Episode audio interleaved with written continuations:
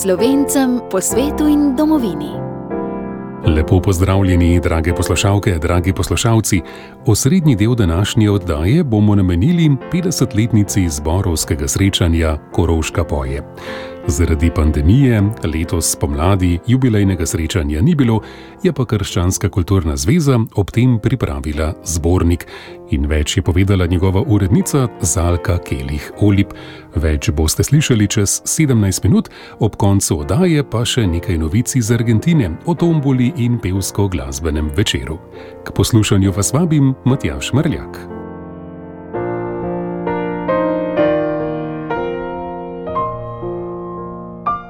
Najprej preglejmo nekaj novic. Na sejmu Agra, ki se je zaključil ta četrtek, je potekalo tudi srečanje zamejskih kmetov, ki so povezani v koordinacijo Agra Slomak in ministroma za rojake Mataja Marčonom in za kmetijstvo Irino Šinko. Omenjena koordinacija povezuje slovenske kmetijske organizacije iz Italije, Avstrije, Mačarske in Hrvaške ter deluje že deset let.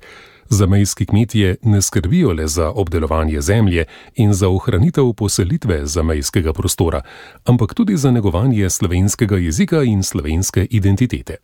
Minister Račun je organizacijo dal za zgled sodelovanja med zamejskimi strukturami tudi na drugih področjih.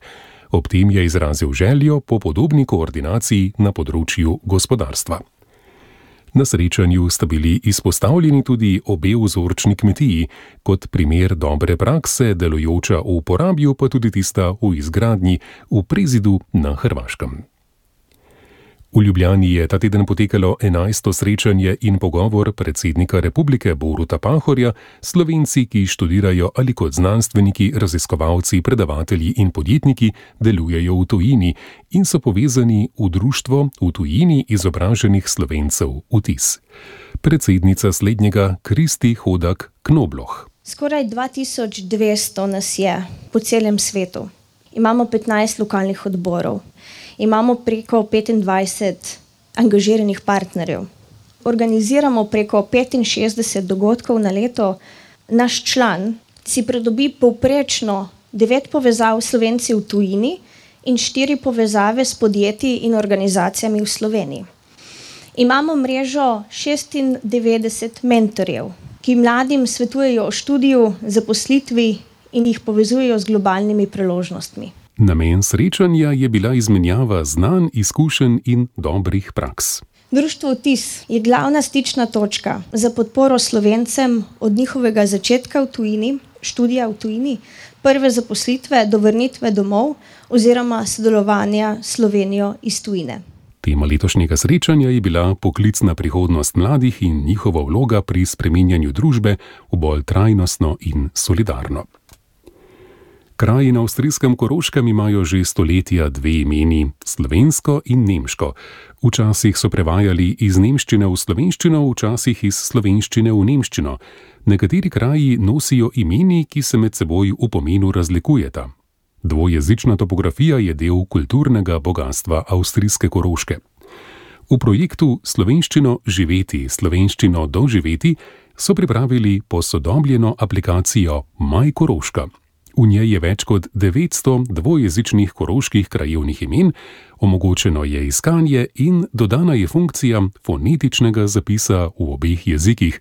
Tako ne boste le prebrali dvojezične koroške, temveč ji boste lahko tudi prisluhnili in pravilno izgovorili raznolika koroška krajevna imena, so sporočili organizatorji.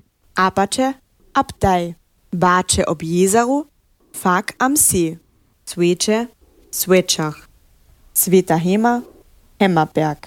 Aplikacija MyKoroška, to je pisano skupaj, torej kot en izraz MyKoroška, je brezplačno na voljo v trgovinah z aplikacijami Google Play in App Store. Tržaška slovenka Tatjana Rojc, aktualna rimska senatorka, bo na septembrskih predčasnih parlamentarnih volitvah v Italiji nosilka liste demokratske stranke v Furlaniji, Julijski krajini. Tako ima naša manjšina realne možnosti, da bi znova imela svojega predstavnika v senatu. Da je to potrebno, je Rojčeva podčrtala na nedavnem goriškem večeru v Dornbergu. Prav z zgodbo Narodnega doma smo videli, kako je pomembno, da nekdo v Rimu, da je stalno na preži in da čaka, da sledi, da se pogovarja, dogovarja s tistimi, ki odločajo o naši usodi. Septembrske parlamentarne volitve v Italiji bodo potekale po novi volilni zakonodaji.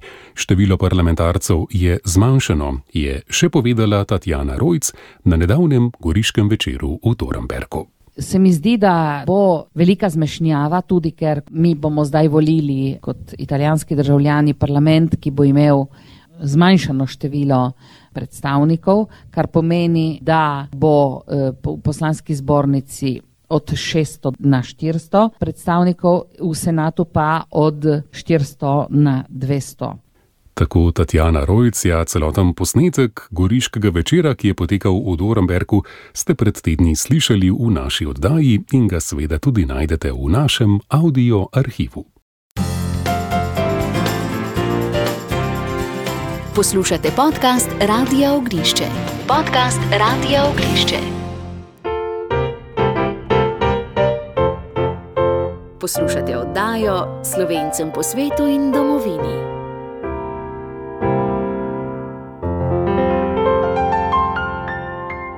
Nadaljujemo z novicami iz zamejstva in sveta. Marijino vnebovzetje je bil romarski dan tudi v železni kapli na avstrijskem Koroškem. Letos pa je bilo slovesno že v soboto pred praznikom, saj je tamkajšnji župnik, dekan Paul de Cunder, prejel listino častnega občana. Odločitev je občinski svet maja sprejel soglasno.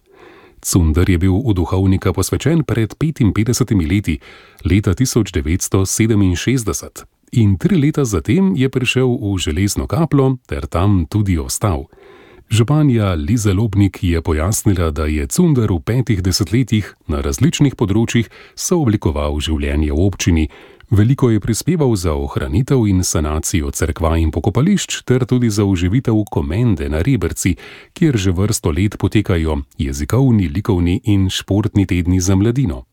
Kultura, literatura in umetnost so bili in so pomemben del njegovega življenja in delovanja, saj je soodgovoren za mnoge gledališke predstave in prireditve v župnijski dvorani.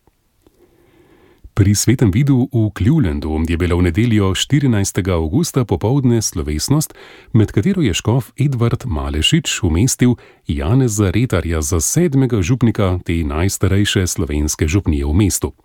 Škof se je o pozdravu spomnil svojih slovenskih korenin po starem očetu in nekaterih slovenskih praznovanj. Slovesna umestitvena maša je sicer potekala v angliškem jeziku, novi župnik Retar pa je ob koncu v slovenskem jeziku dodal: Iskrena hvala škofu Malešeču, gospod Božnarju ter druge duhovnike, da se posebej osebijo prostovoljcem, da so omogočili to praznovanje. Svetovira je opisan kot dragulj sredi mesta. Tako je že več generacij. Moj oče je tu odraščal, zahodil v šolo. Svetovira je bil vedno poseben kraj. Ta crkva je zgradila na katoliški veri naših slovenskih družin. Smo važni ljudje, a tudi zelo radodarni. Smo ljudje, ki ne delujejo, vendar priznavamo svoje grehe. Ljubimo Boga, vlažno devico Marijo in svetnike ter to župnijo. A to ne bo muzej ali nenavaden kraj, kamor je hodila babica, ampak naš dom in dom za vse, ki iščejo resnico in odrešenje v Jezusu Kristusu. Župljani svetega vida v Clevelandu so v znamenje hvaležnosti za novega župnika Janeza Retarja postavili novo leseno znamenje Marije Pomagaj. V župniji brezmadežne študodelno svetinjo v Torontu v Kanadi, ki jo vodijo slovenski lazaristi, so ta četrtek 25. augusta začeli z devetdnevnico k škofu Frideriku Baragu. Pred nami so Baragovi dnevi, bomo prosili Gospoda za božji blagoslov, za uspeh in predvsem tudi za to, da bi znali živeti krščanske vrednote da bi se radi zgledovali po tem, kar je naš častitljivi škof Frederik Baraga doprinesel cerkvi zgled svetosti, zgled kako delati z ljudmi. Molitve so v slovenščini in angliščini. Začetek je vsak dan ob 18.30 po krajevnem času, to je ob pol enih po noči v Sloveniji. Devetdnevnici se namreč lahko pridružite tudi preko spleta in sicer preko Facebook strani Župnije brezmadežne. Zaupam vate, iz ljubezni do tebe odpustim vsem, ki so mi povzročili krivico in te prosim za potrebe vse cerkve in naše domovine ter za svoje lastne potrebe. Škof Frederik Baraga, usliši mojo molitev. Devetdnevnica je neposredna priprava na Baragove dneve, ki bodo v Župniji brezmadežne v Torontu potekali naslednji konec tedna, 3. in 4. septembra. Poslušate podcast Radio Ognišče. Podprite nas s svojo oceno.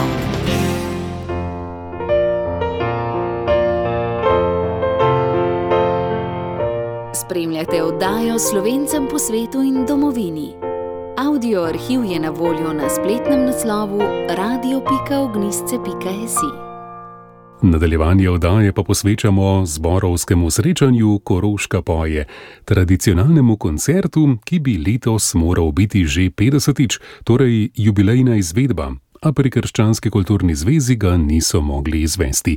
Ideje in načrti so morali ostati v predaljih njihova iznajdljivost pa je ostala živa. Tako so pripravili filmski prispevek za oddajo Dobrodan Koroška in zbornik. Urednica slednjega je tajnica pri Krščanski kulturni zvezi Zalka Kelih Olip. Mnogo jih sedi tukaj med vami, ki ste bili dve leti nazaj še na tem zadnjem koncertu v Domu glasbe. Bil je 8. marec. To je bil žal zadnji koncert v živo. In nekaj dni na vrh se je vse zaprlo. In uh, to, je, to je ena zadeva, to je pač ta pandemija, ki jo moramo seveda omeniti, ki nas dejansko vse bremeni že dve leti. In uh, moram že reči, da to je za nas že res, res težko. Mi smo pravzaprav tisti, ki smo zato tukaj, da kulturno ustvarjamo, da delamo koncerte, prireditve, podpiramo društva in zdaj ravno pravzaprav tega ne moremo delati. Uh, to je za nas uh, res težka situacija. Jaz bi kar rekla, najtežja, kar smo jo do sedaj doživeli. Ampak uh, mi vedno rečemo, kaj bomo jamrali, mi moramo nekako delati naprej, pač to, kar je možno.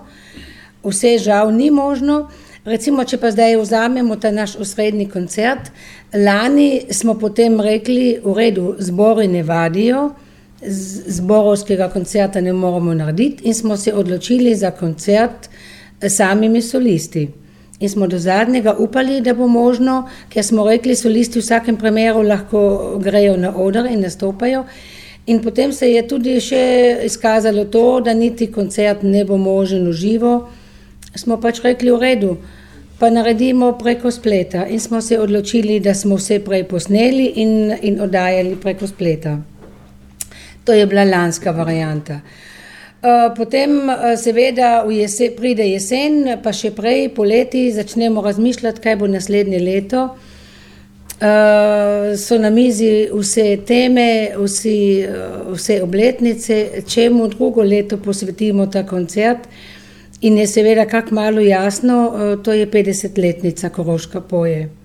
V redu kaj bo drugo leto. Ne vemo, avgusta nič, eh, septembra, novembra nič, kaj, kaj bo možno marca.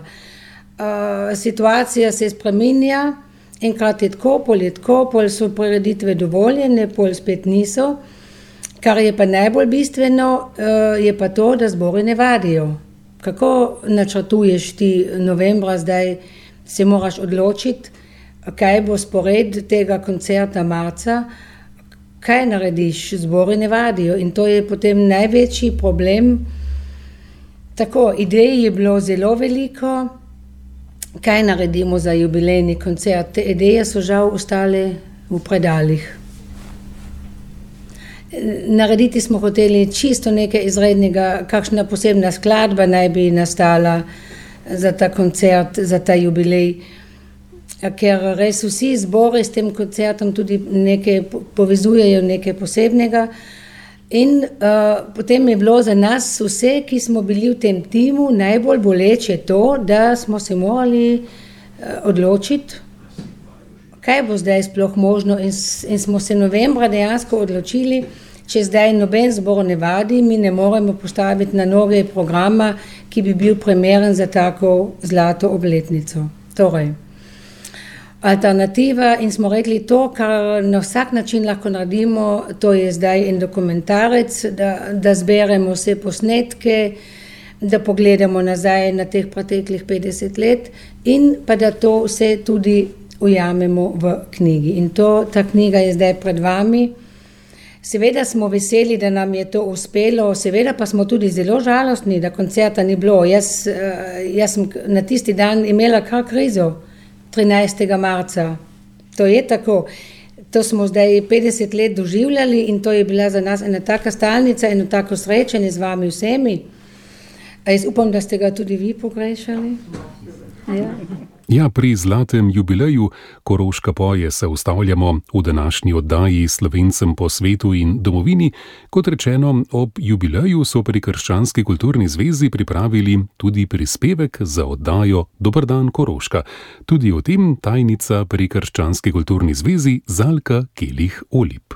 Potem smo naredili pri nas en tim, ki pripravlja film, ki pripravlja zbornik. In uh, gradiva je bilo seveda ogromno. Si lahko predstavljate v 50 letih, če, te, če je to dva, 260 zborov, posameznikov, instrumentalistov, solistov, ki so nastopali. Uh, kaj zdaj izbereš za 25 minut? Potem smo se zmenili z ORF-om, da to vzame prav na to nedeljo v svoj program. In če se za to odločiš, potem veš, da imaš na razpolago pač 25 minut. In, in to je potem bilo pravzaprav najtežje.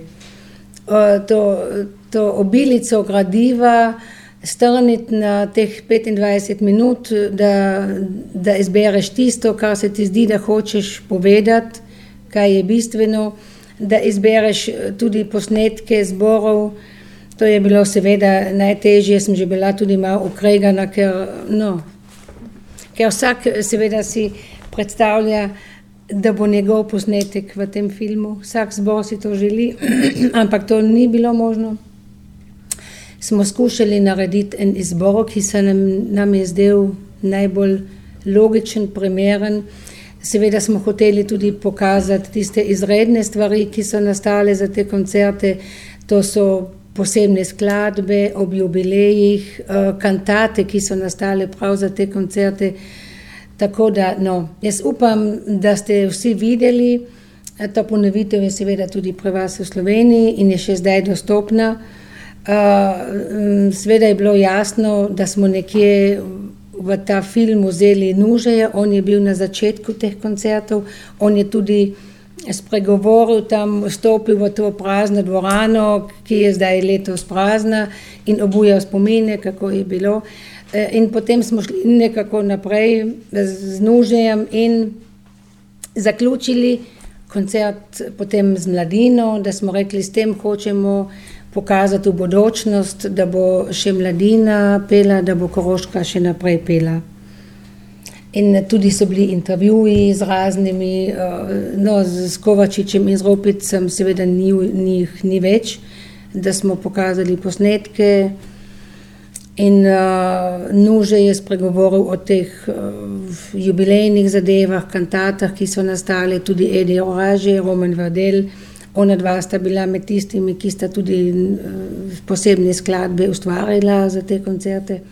In tako, pa jaz sem tudi nekaj povedala, tako da smo skušali in upam, da vam je bilo všeč.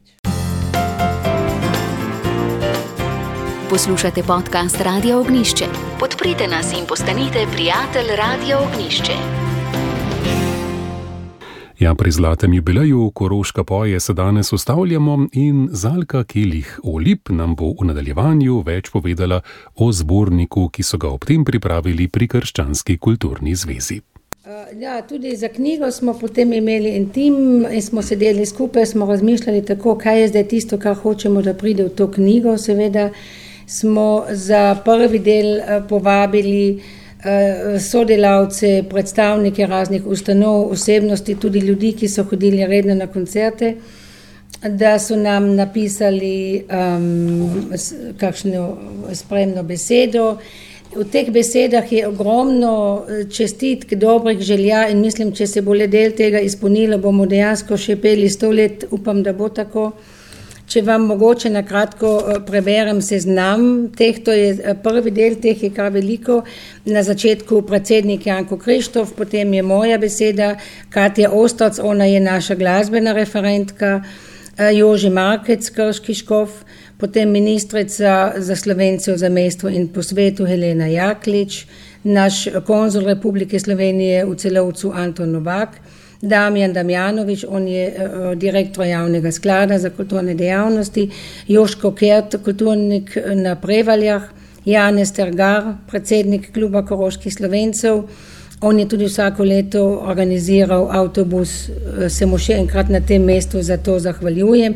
Jaz vem, koliko je s tem dela, da napolniš avtobus. To ni samo od sebe in to ni samo umevno. In je, vem, da je za tem veliko dela in res pa srčna hvala. Uh, in vas je tudi nekaj danes tukaj, ki ste, ki ste sedeli v tem avtobusu. Ja, ja, Majeta Rigla potem je nekaj ljudi tukaj uh, z Premorske, to je Mari Mava, predsednik slovenske posvete, Franka Padovan, predsednica Zveze slovenske katoliške posvete, potem Bogdan Kralj, uh, direktor glasbene matice. Oziroma, ja, tost. Potem Jasna Nemec Novak je bila tudi vsako leto z nami, muzikologinja z vami na, v celovcu. Roman Vadel, Edi Oraže, ona dva sta tista, ki sta tudi nekaj koncertov prav eh, oblikovala s kakšnimi novimi skladbami. Janko Cerca, naš dolgoletni predsednik, ki je tudi bil snovalec eh, mnogih koncertov in, in idej. Nuže Tolmaja, seveda.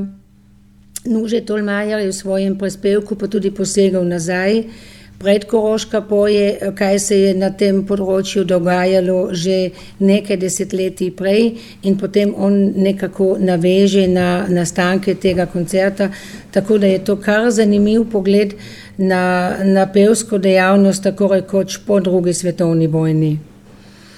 In v drugem delu potem je pa kronologija koncertov, to je pa gotovo zelo, zelo zanimivo. Najprej seznamo vseh koncertov, vseh tem, vseh nastopajočih, uh, ja, ta, da boste kar imeli dosti dela, da boste vso, vse to pregledali, prebrali.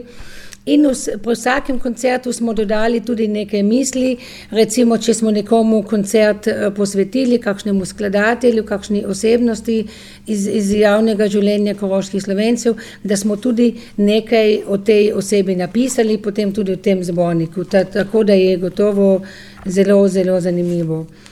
V tretjem delu imamo potem žal tudi nekaj strani v spomin in memorijem. To, pa, to je pa tako, da so nas ravno v teh zadnjih dveh letih zapustile tri glasbene osebnosti, ki so bile s tem koncertom zelo tesno povezane.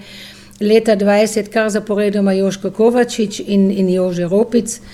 Joško Kovačič, ne, vem, ne bi vedela zdaj hitro povedati, koliko koncertov je on zasnoval in nas spremljal po vseh pripravah in ste ga videli vedno tudi na odru. E, tako da je, da, da je kar lahko rečemo, da je izstopal pri teh koncertih in, in nas je zapustil ravno dva meseca pred koncertom, da smo potem tako rekoč prvotni plan tega koncerta tudi, tudi malo spremenili glede na to, da smo se prav na tem koncertu potem tudi spomnili njega in Jožeta Ropica. Uh, Jože Ropic je za ta koncert ustvaril tri kantate, uh, zelo zanimive in zelo lepe, in je umrl februarja 2020. Potem lani pa Hansi Gabriel, ki je večkrat uh, in dolga leta tudi nastopal na teh koncertih z raznimi tamboraškimi skupinami. Uh, ima tako rekoč glavne zasluge tako za to, da, so, da je tamboraštvo na Koroškem še živo. On se je z Dunaja vozil nič koliko krat na vaje, spremljal vse skupine In, in meni se prav zdi, da je bil najbolj srečen na tistem koncertu leta, leta 19, ko je stal na odru skupno z Joško Kovačičem in sta tako rekoč oba dirigirala, on tam Borašem, Joško pa zborom.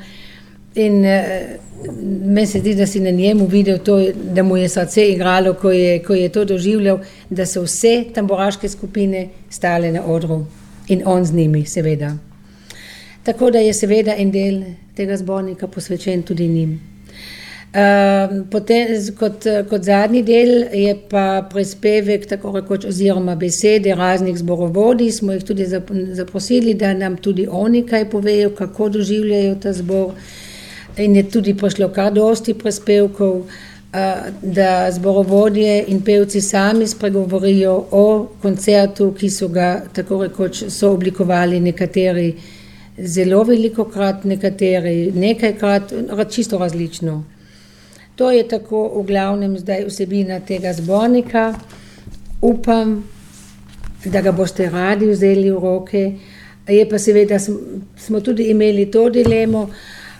Materijala je ogromno, iz prvih let uh, premalo, skoraj nič slik, takrat še nismo tako hranili, seveda, uh, seveda ni, ni bilo digitalnih uh, slik, zdaj zadnje leta je tega več.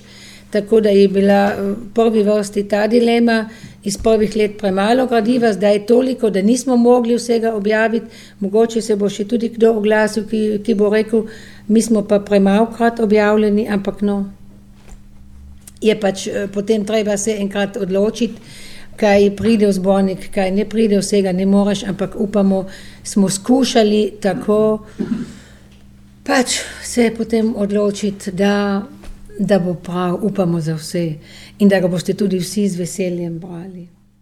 Tako Zalka Kelih Olip, tajnica pri Krščanski kulturni zvezi in pa urednica zbornika ob zlatem jubileju Koroška poje. Zbornik seveda dobite pri Krščanski kulturni zvezi v celovcu. Poslušate podcast Radia Ognišče. Podcast Radia Ognišče.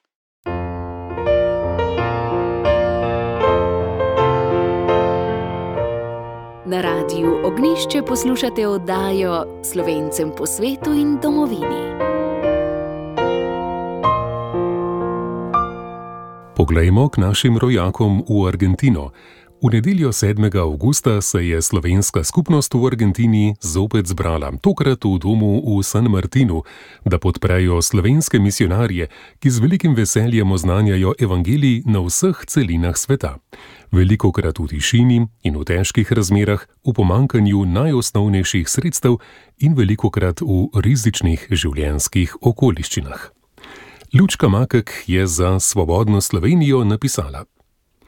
68. tradicionalno misijonsko tombolo so skupnimi močmi pripravili člani slovenskih domov iz San Martina in Karapačaja. S pomočjo posameznikov in odborov ostalih domov so nabrali več kot 215 kvateran, 250 činkvinov ter 116 tombol. Za klicanje številk sta poskrbela Martin Jeretina in Viktor Leber. Številke so se prikazale na velikem platnu preko računalniškega programa, katerega je za to priložnost kupil dom San Martin. Komisija za pregled tablic je bila sestavljena iz predstavnikov vseh domov: inženir Jure Komar, Marko Čeč, Monika Rantje Retina, Bine Magister, Karl Groznik, Marko Čop in Marko Škol. Dobitke pa sta oddajali Regina Truden Leber in Lučka Makek. Prvo tombolo je zadela Marija Zurc, drugo pa Tomaš Godec, družina je darovala 100 dolarjev. Sledili so Pablo Langus, Estela Rolon in Minka Erjavec, darovala 10 tisoč pesov. Polona Makek je v okviru Zveze slovenskih mater in žena naprosila gospe vseh domov za pecivo. Prinesle so ga toliko, da nam je zmanjkalo prostora na mizah. Kdor je želel, je lahko tudi kupil krofe, flancate, štrudel, torte, potico in več vrst drobnega peciva. Tudi za goste s celijakijo je bilo poskrbljeno. Ob pecivu pa seveda najbolj paše topel čaj ali kavica. San Martinski dom je nudil hrenovke in klobase v kruhu, zeljem in hladno pijačo. San Martinska mladina je organizirala nagradno igro, s katero so zabavali najmlajše. Tudi če v igri niso zmagali, so za darilo dobili sladkarije. Pripravili so več kot 120 dobitkov. Marjan Boltežar pa se je prijazno ponudil za prodajo tablic pred in med tombolo. Zadovoljivim obiskom, lepo izpeljano tombolo in srečnimi dobitniki se je tombola zaključila z naslednjimi dohodki. 770 330 pesov in 6450 ameriških dolarjev. Denar je bil poslan na misijonsko središče v Sloveniji preko slovenskih lazdaristov, ki delujejo v slovenski vasi. V imenu naših misionarjev in ljudi, ki jim oni posvečajo svoje življenje, ter v imenu organizatorjev obeh slovenskih domov, ki sta prevzela letošnjo misijonsko tombolo, se vsem toplo zahvaljujemo za prisotnost, za dar, ki ste nam ga zaupali in sodelovanje na kakršen koli način. Naj vam Bog ohrani možnost nadaljnega sodelovanja in naj vam tisočkrat poplača. Poslušate podcast Radio Ognišče. Podcast Radio Ognišče.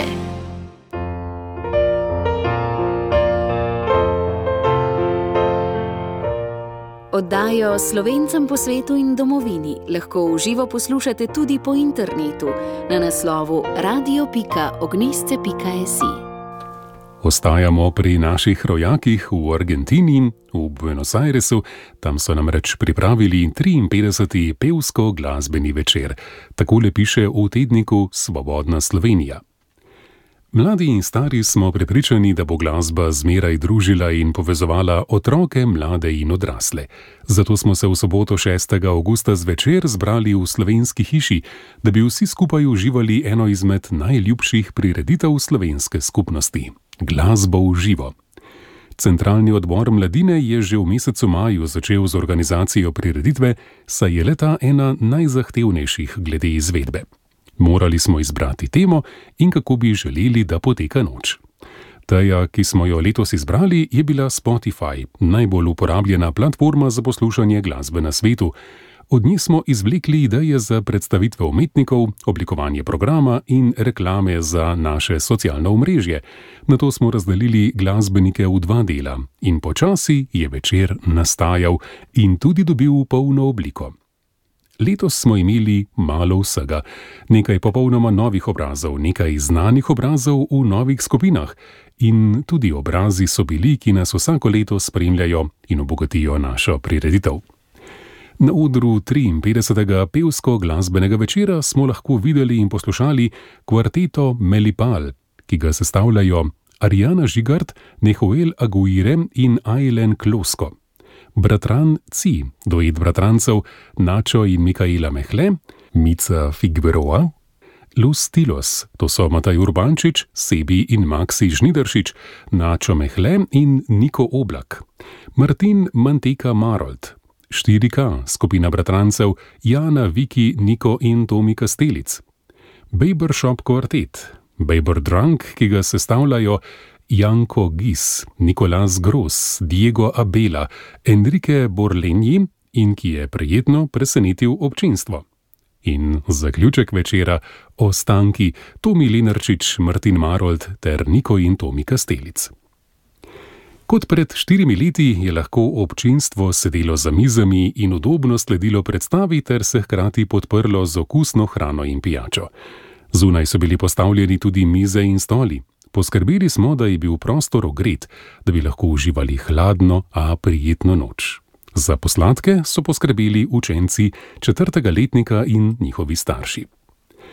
Kar naenkrat je bil večer mimo. Lepo smo se imeli in uživali glasbo v družbi. Veseli smo, da smo se lahko zopet srečali, da so nam pevci in glasbeniki pokazali njihovo umetnost in kaj vsega so zmožni. Hvaležni smo jim, da so se nam letos spet pridružili, zapeli in zaigrali, saj brez njih ne bi bilo pevskega večera. Vsi, ki smo kdaj pomagali v organizaciji pevsko-glasbenega večera, vemo, koliko ur in dela je potrebnih, da dogodek izpade tako, kot želimo, in da lahko vsi uživamo. Brez skupnega dela ga verjetno ne bi mogli tako lepo izvesti. Zato se odbor centrale zahvali vsem, ki so pripomogli, da je vse dobro izpadlo. Lepa hvala skupini Audio Pristava za zvok. Za luči so skrbeli Aleks Šuc, Tute Groznik, Igor Zupanc, Pale Kržišnik, Niko Kastelic, Tato Ribnikar in Edi Cesnik. Najlepša hvala. Naša zahvala tudi Slomškovemu domu ter našemu domu za sposojene ekipe. Najlepša hvala Matiji Godcu za fotografiranje, Albertu Muhi ter sodelavcem za videoposnetke, Lejli Erjavec in Jani Urbančič za audiovizualno oblikovanje, Lucijani Hribar za lektoriranje in Nati Lofaro za grafično oblikovanje. Hvala lepa Martinu Zupancu in mladini, ki so nam priskočili na pomoč pri kuhanju. Hvala mladim vseh domov, ki so nam na katerikoli način pomagali s pripravo večera. Iz srca hvala tudi vsem nevidnim sodelavcem, ki ste pomagali, da je vse tako lepo uspelo. In še enkrat hvala vsem za tako bogat večer. In s tem tudi zaključujemo današnjo oddajo. Za pozornost vam zahvaljujem Matjaš Mrljak. Vse dobro in z Bogom do naslednjič.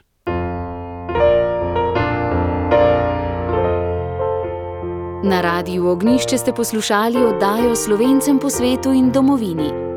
Na sporedu je ob nedeljah ob 17. uri, ponovitev ob ponedeljkih ob 24. uri. Arhiv oddaj in sveže novice na spletni strani radio.ognisce.si. Oddajo sofinancira Urad Vlade Republike Slovenije za slovence v zamejstvu in po svetu.